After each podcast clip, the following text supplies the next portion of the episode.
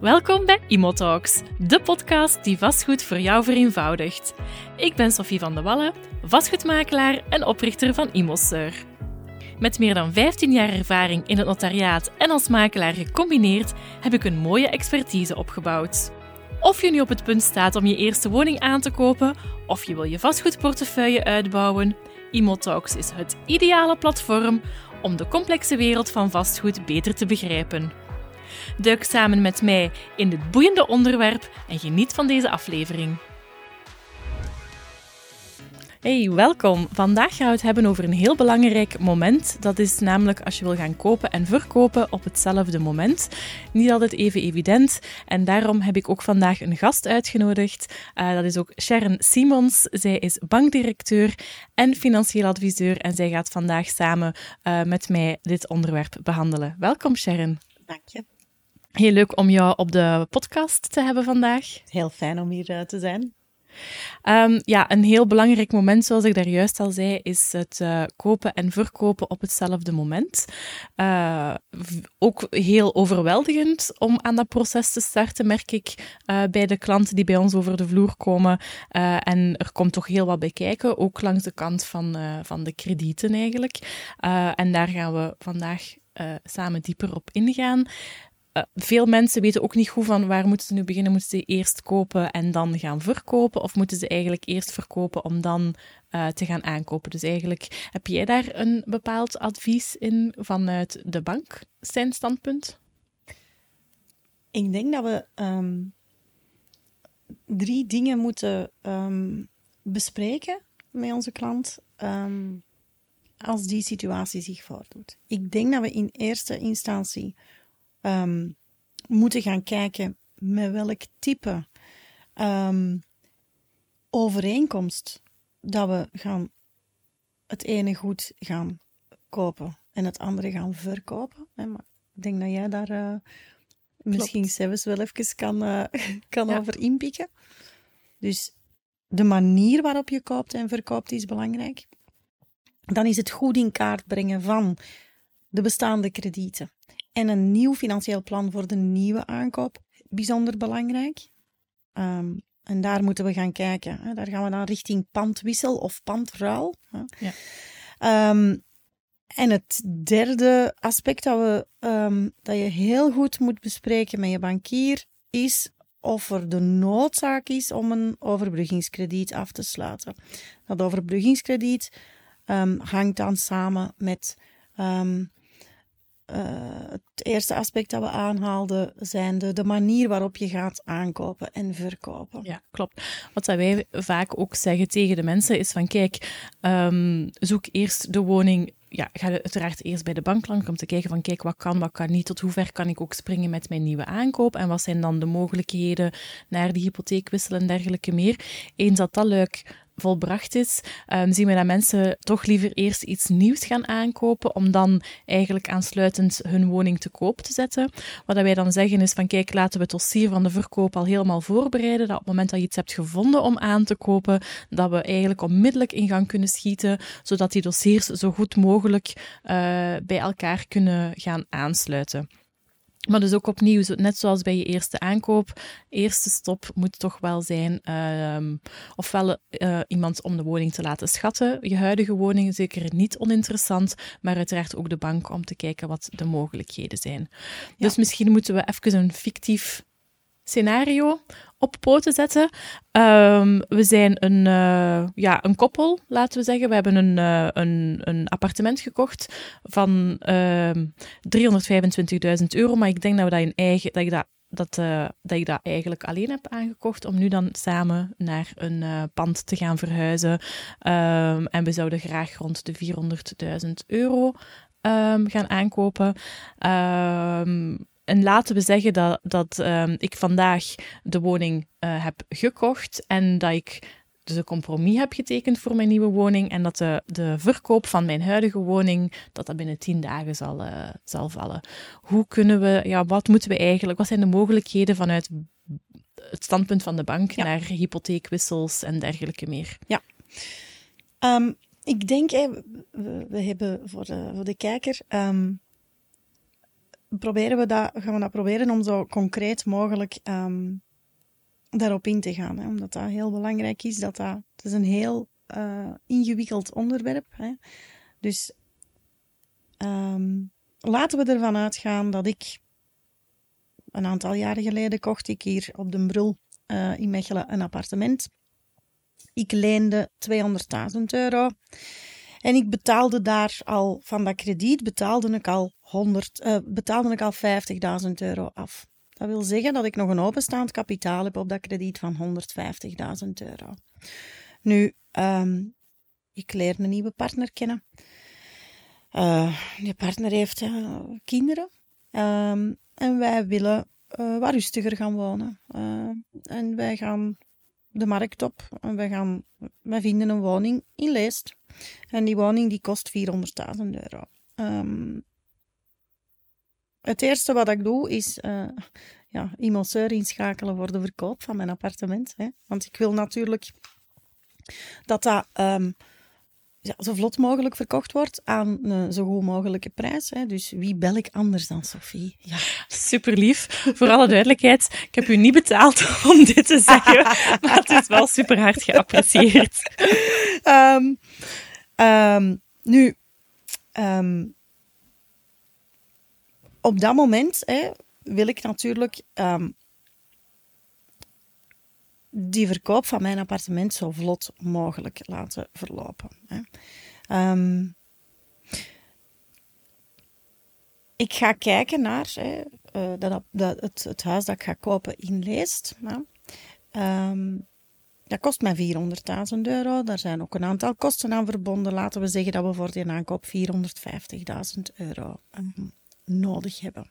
Ja. Um, ik ga werken. Hè. Dat krediet dat ik vandaag heb lopen op mijn appartement, dat heb ik een aantal jaar geleden afgesloten. Daar heb ik nog een hele goede rentevoet op.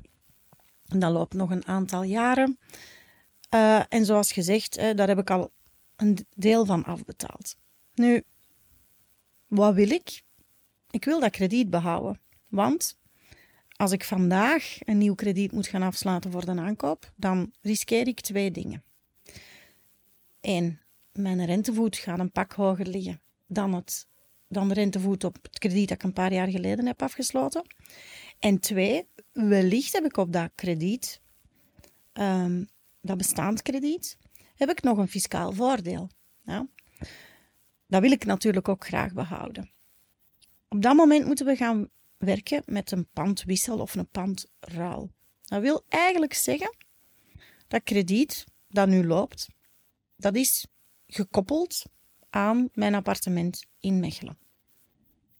De notaris die gaat dat krediet eraf plukken. Meer bepaald de hypothecaire inschrijving gaat die eraf plukken. En die gaat dat op het pand in lijst plakken. Ja, dus dat krediet verschuift gewoon van het ene pand naar het andere pand. Ja.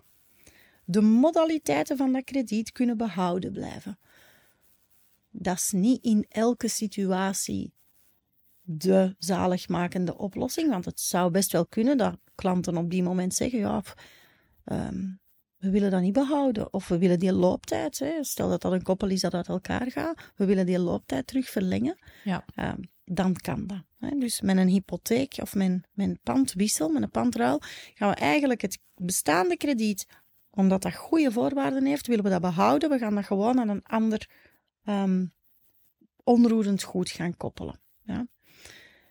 Um, stel dat we die pandwissel niet zouden gedaan hebben, dan zou ik um, bij verkoop van mijn appartement mijn krediet moeten gaan terugbetalen. Het restbedrag, de, marge, de bank neemt daar dan een marge. Hè. Het restbedrag, dat ga ik gebruiken als eigen inbreng om een stuk van de aankoop van mijn, van mijn uh, huis in Lees te financieren. Ik ga daar alles aan de nieuwe rentevoet moeten financieren. Als ik het stukje pantraal gebruik, dan ga ik dat krediet overzetten, waardoor dat mijn appartement in Mechelen, we noemen dat vrij en onbelast is. Dus daar hangt geen krediet meer aan. De volledige verkoopprijs ga ik kunnen gebruiken om het nieuwe pand te financieren, waardoor dat het stukje krediet dat ik ga nodig hebben aan de nieuwe en dus hogere rentevoet een pak kleiner gaan zijn. Alright. Dus eigenlijk zijn er uh, concreet twee uh, op opties. Ofwel gaan we zeggen, we gaan eigenlijk voor een volledige terugbetaling van het krediet en we halen het van het bestaande krediet en we halen het weg. We elimineren dat krediet. En voor de aankoop gaan we gewoon volledig voor een, nieuwe, um, voor een nieuw krediet. Mm Ofwel kunnen we zeggen, we gaan de bestaande krediet gaan behouden um, en um, dat meenemen voor, naar onze nieuwe aankoop. Ja, dat klopt. Super. Ja. Ik vermoed dat dat wel regelmatig wordt gedaan. Meer en meer.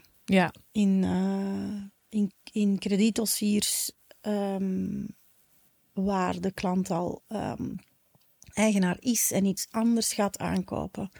Uh, in echtscheidingsdossiers um, is dat nu standaard. Om de dood eenvoudige reden dat de rentevoeten nu gewoon een pak hoger liggen en omdat er geen fiscaal voordeel meer is op uh, kredieten. Ja, en het dus... fiscale voordeel op het bestaande krediet dat je eigenlijk al had, uh, als we dat overzetten naar een nieuwe woning, die kan je dan ook gewoon ja, meenemen. Kan ja. ook behouden worden. Fantastisch. Ja. Um, we gaan in, de, in dit scenario gaan we er eigenlijk vanuit dat de notariële actes op dezelfde dag kunnen mm -hmm. verleden worden. Uh, stel dat dat niet zo is, stel dat we um, iets sneller moeten gaan aankopen dan dat we kunnen verkopen. Um, door, ja, dat kan, dat kan door verschillende redenen hebben dat dat niet echt lukt. Um, is er een optie van een uh, overbruggingskrediet om eigenlijk die, die periode op te vangen? Um, hoe werkt dat dan? Kan dat krediet dan ook nog mee, mee overgenomen worden? Um, en hoe zit het dan juist met die overbruggingskrediet en die modaliteiten? Ja, een overbruggingskrediet, dat wil gewoon zeggen dat, je, dat de bank u het, de periode tussen verkoop van je bestaande woning en aankoop van de nieuwe woning, um, enfin, het omgekeerde, hè, dus de aankoop van je nieuwe woning waar die woning moet betaald worden, plus alle kosten. Maar je hebt de centen die in uw eigen vastgoed zit, uh, zitten, heb je nog niet. Dus de bank gaat eigenlijk die periode een soort van voorschot uh, verlenen. Hè. Dat noemen we een overbruggingskrediet. Dus dat overbrugt de periode tussen de aankoop van je nieuwe woning en de verkoop van je bestaande woning. Ja. Ja. Tijdens die periode van dat overbruggingskrediet betaal je alleen interesten. Ja. Um, op het bedrag van het overbruggingskrediet. Op het bedrag van het overbruggingskrediet. Ja. Voor alle duidelijkheid, dat kan perfect um, gecombineerd worden met een pandwissel. Um, als ik weet dat jij je dossiers altijd heel goed voorbereidt. Ik weet dat jij in bij klanten die in deze situatie zitten, dat je daar inderdaad het huiswerk al gaat maken om het verkoopdossier zo snel mogelijk in gang te steken. In de praktijk, of vaak, is dat niet het geval. Hè. En dan probeer ik altijd wel met de, ofwel met de notaris of met de vastgoedmakelaar toch te bekomen dat er op een of andere manier, hè, um, op een andere manier of een ander document gebruikt wordt om uh, de aan- en de verkoop um, te regelen. Hè. Uh, misschien kan jij daar een, een woordje uitleg over geven? Ja. Ik veronderstel je het hebt over de, aankoop, de wederzijdse aankoop-verkoopbelofte, ja. waarin dat we een beetje kunnen spelen met de wettelijke termijn van vier maanden. Ja. Dus er is een wettelijke termijn van vier maanden tussen de ondertekening van de compromis en het verleiden van de akte.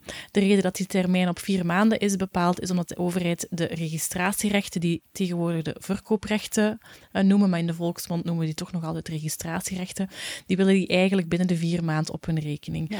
Er is een document, en dat heet de aankoop de wederzijdse aankoop-verkoopbelofte, waarin de verkoop nog niet gesloten wordt op het moment van het ondertekenen van die belofte, maar partijen gaan aan elkaar beloven uh, dat zij uh, die aankoop en die verkoop gaan doen. En doordat het een belofte is, kunnen, zitten we niet vast aan die termijn en kunnen we die termijn zelf gaan bepalen. Die kan liggen op vijf, zes maanden of op een jaar. Ja. Um, dan moeten we uiteraard andere afspraken altijd maken, uh, maar er zijn zeker opties om met die termijnen te gaan spelen om alles in elkaar te laten vallen, de hele puzzel. Ja. Um, we proberen, hè, omdat je, we begonnen uh, of jij begon met te zeggen, dat is vaak heel overweldigend, zo'n dossiers. Om de druk een beetje van die ketel te halen. Hè. Ehm, en om het voor de klant behapbaar te maken, proberen wij heel vaak met zo'n constructies te werken. Hè, waarin dat de, ehm, dat de verkoop weliswaar, als ik in dit geval, excuseer, als ik in dit geval mijn appartement verkoop, dan wil ik dat zo snel mogelijk verkopen. Ehm, maar ik wil die een aankoop misschien wel kunnen afstemmen op de verkoop van mijn appartement. Dus voor de aankoop ga je dan werken met die aan- en verkoopbelofte. Dus dat zijn zeker mogelijkheden. Bespreek dat ook altijd met je vastgoedmaker. Ja, er zijn zaken die we inderdaad absoluut op voorhand moeten weten. En die kunnen dan deel uitmaken van de onderhandelingsstrategie. Um, maar stel, in sommige gevallen lukt het niet voor de kopers om die puzzel ook in elkaar te laten vallen op een mhm. iets langere periode. Mhm. En dan mhm. moeten we echt wel gaan kijken naar het overbruggingskrediet. Ja. Ehm, dat kan, allez, ik veronderstel dat, want wij adviseren dat ook van, ga sowieso bij de bank langs en kijk naar die opties voor de worst case scenario, eigenlijk het backup plan dat een overbruggingskrediet op dat moment kan bieden als het echt, echt noodzakelijk is. Ja, ja. eigenlijk moeten als klant eh, en net omdat dat zo'n ingewikkelde constructies zijn, je moet als klant vragen en doorvragen. Jij moet weten, voorgaan dat project begint, waar sta ik? Hoe ver kan ik springen? Wat zijn mijn mogelijkheden? Worst case, neutraal en best case. Best case is, ik heb geen overbruggingskrediet nodig, ik doe gewoon een pandwissel, klein stuk bij, klaar. Ja, ideale scenario. Ideale scenario. Ja. Worst case, mijn pand is niet verkocht, mijn gelden zitten daarin vast. Ik moet voorfinancieren met een overbruggingskrediet. Wat gaat mij dat kosten? Hoe lang kan ik dat? doorgaans is dat twee jaar. Um, is dat betaalbaar? Is dat voor de bank acceptabel, aanvaardbaar, dat ik dat er nog bij neem? Um, vaak gaat de, marge, de, gaat de bank ook een marge nemen op de, als er nog geen verkoopovereenkomst is of er is een verkoopovereenkomst met nog opschortende voorwaarden, ja, dan is de bank niet zeker. Kan ik wel zeggen, ik verkoop voor 3,25, maar voor hetzelfde geld verkoop ik maar voor 300. Hè. Ehm, dus je moet als klant vragen en doorvragen. Het kan niet zijn dat je in zo'n belangrijke situatie of in zo'n belangrijke fase in je leven bij de bank buiten stapt en moet denken: wat moet ik nu eigenlijk doen? Of wat, wat wordt er nu van mij verwacht? Vragen en doorvragen. Al vraagt het tien keer, maar je moet weten, je moet dat financieel plan, dat moet heel, heel helder en duidelijk zijn. Klopt. Um, dus we hebben uh, het backup plan van een overbruggingskrediet um, onderhandeld nu bij de bank. Um, dat is heel belangrijk. Eén, een manier om dat te gaan vermijden, dat we dat gaan nodig hebben, is effectief al het, het, uh, de verkoop van uw, uw eigen woning gaan voor te bereiden um, en ervoor te gaan zorgen dat eigenlijk het dossier start klaar is, nog voordat je eigenlijk het bod hebt getekend of een bod hebt aanvaard gehad op je nieuwe aankoop. Dus dat wil zeggen dat alle attesten er al zijn, um, dat eventueel zelfs al de foto's voor publiciteit uh, genomen zijn. En op het moment dat je zegt van oké, mijn bod is aanvaard voor mijn andere woning, hup, dan kunnen we gaan springen um, en ineens de woning in verkoop lanceren. En dan kunnen die termijnen, zelfs binnen die periode van die vier maanden, uh, gehanteerd uh, blijven. Natuurlijk, alles hangt ook wel af van de markt. Maar op dat moment koopte in dezelfde markt dan de markt waarin je verkoopt. Hè? Dus klopt. Het is een, een level playing field. Absoluut. Um, nog iets wat ik wou vragen over het overbruggingskrediet. Want uiteraard, op het moment dat je een overbruggingskrediet gaat afsluiten, heb je een vrij grote schuld bij de bank. Um, kan een overbruggingsdossier afgesloten worden in de meeste gevallen, omdat we twee woningen als waarborg uh, hebben op dat moment? Of wordt er echt wel ook nog gekeken terug naar de, de, de capaciteit van, um, van de klant, naar terugbetalingscapaciteit? Wordt er terug naar het volledige plaatje gekeken? Of zegt de bank, ah als je die transactie doet, sowieso lukt een overbruggingskrediet? Ja.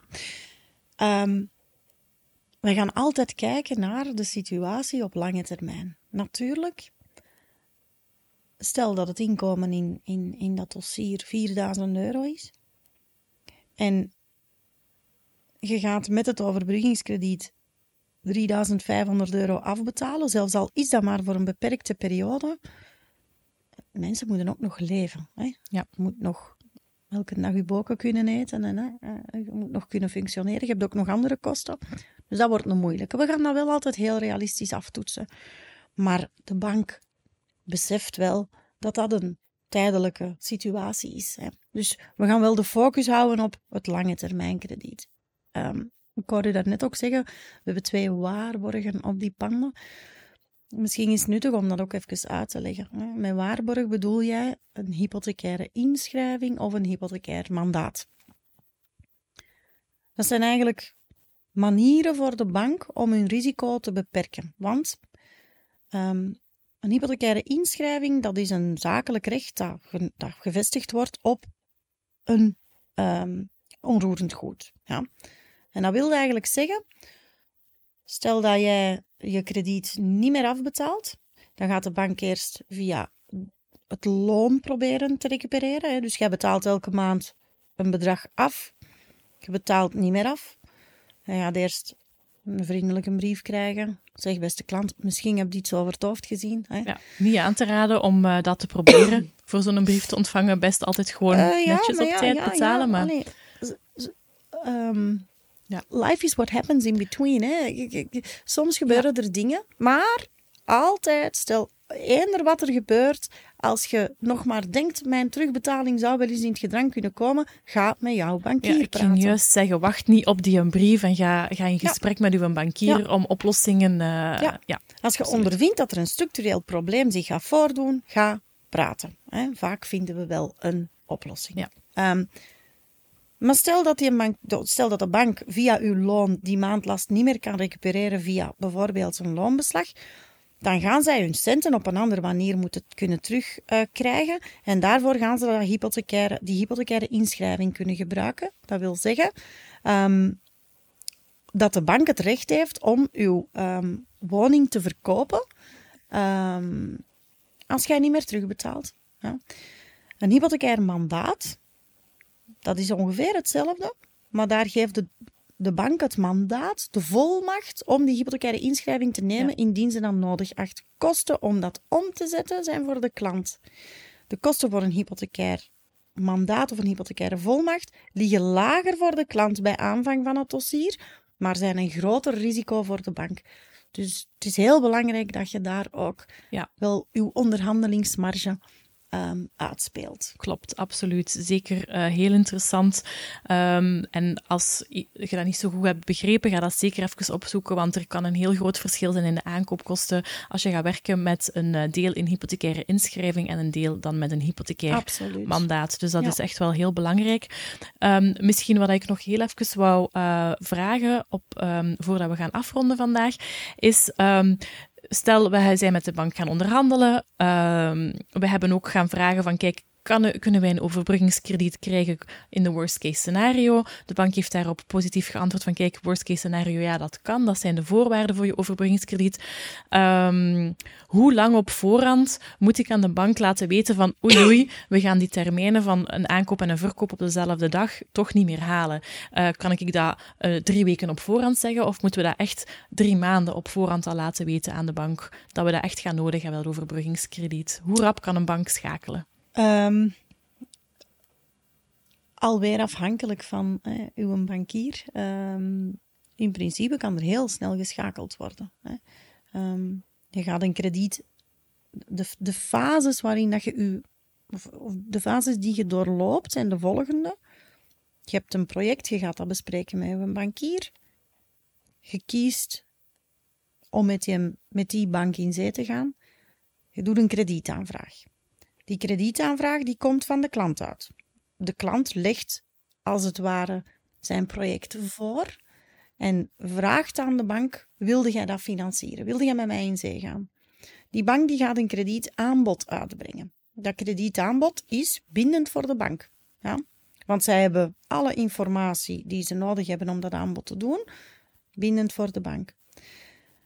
En dan hangt het een beetje af wat de termijnen zijn die gehanteerd worden. Van het ogenblik dat jij dat kredietaanbod hebt getekend als klant, ben je er ook aan gebonden. Als je dan nog zelf door dingen die in uw situatie veranderen, zijnde, we hebben het overbruggingskrediet, dan toch wel of dan toch niet nodig, dan moet je vragen aan de bank om dat kredietaanbod te wijzigen. Vaak zijn daar wijzigingskosten aan verbonden. Dat zijn geen honderden euro's, hè, maar soms ja, kun je dat op voorhand niet helemaal vermijden. Maar het is wel heel belangrijk dat je dat weet. Hè. Ja. Ja, want heel soms denken we van oké, het gaat lukken.